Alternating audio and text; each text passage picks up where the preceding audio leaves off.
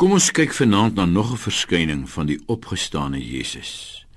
Verskynings waarin hy nie net die groot heilsgebeure verkondig uit opgestaan nie, maar waarin hy die goeie herder ook elkeen wat aan hom behoort persoonlik ontmoet in sy unieke eie omstandighede.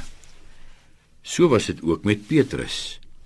Die laaste keer wat hulle mekaar gesien het, was die vroegoggend van die kruis. Pas het Petrus, die voorman onder die disippels, die selfversekerde een, al sal almal u verlaat nie ek nie. Pas het hy sy Here verloon tot 3 maal toe. Ek ken die man nie. En die haan het gekraai. En Jesus, reeds in boeye, het omgedraai en Petrus aangekyk. So beskryf Johannes dit. So moes Petrus van sy Here afskeid neem, stikkend. Hy het hom verloon en hy het uitgegaan en bitterlik gehuil. So moes Petrus daardie donker nag, die dag van Golgotha deur worstel. Ek het hom verloon. Nou is dit 3 dae later. En ons lees hoe Jesus aan mense verskyn, aan Maria Magdalena, aan die Emmausgangers, aan die disippels die aand in die bofortrek. Ons lees wat daar gebeur het en wat daar gesê is. Maar dan is daar die een verskyning waarvan ons nie 'n enkele woord vertel word nie. Maar Lukas teken dit vir ons aan. As die disippels sê, die Here het regtig opgestaan en hy het aan Simon verskyn. Net dit. Hy sou daardie aand aan al sy disippels verskyn en Petrus sou ook daar wees. Maar hier iewers op die pad tussen die tuingraf en die bofortrek verskyn hy net aan Petrus aan Petrus alleen.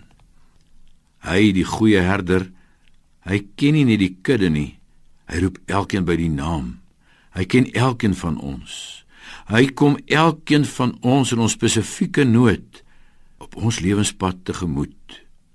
Ons weet nie wat daar by die ontmoeting gesê is nie. Dalk net 'n liefdevolle, vertroostende blik, dalk net 'n hand op die skouer. Dit moes so persoonlik gewees het, nie eers die Bybel lese word daar ingelei nie. Dit was oomblikke alleen tussen 'n gevalle disipel en sy Here. Wat 'n besondere oomblik. Die Here het aan Simon verskyn. Die Here soek sy gevalle disipel op.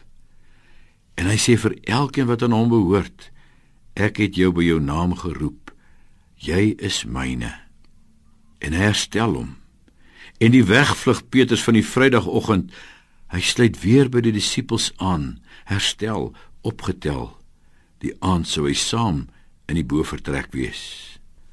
Kom daarom lê vanaand jou eie unieke twyfel en kommer en vra voor die voete van Jesus en hy die opgestane Here hy kom jou op jou unieke pad liefdevol tegemoet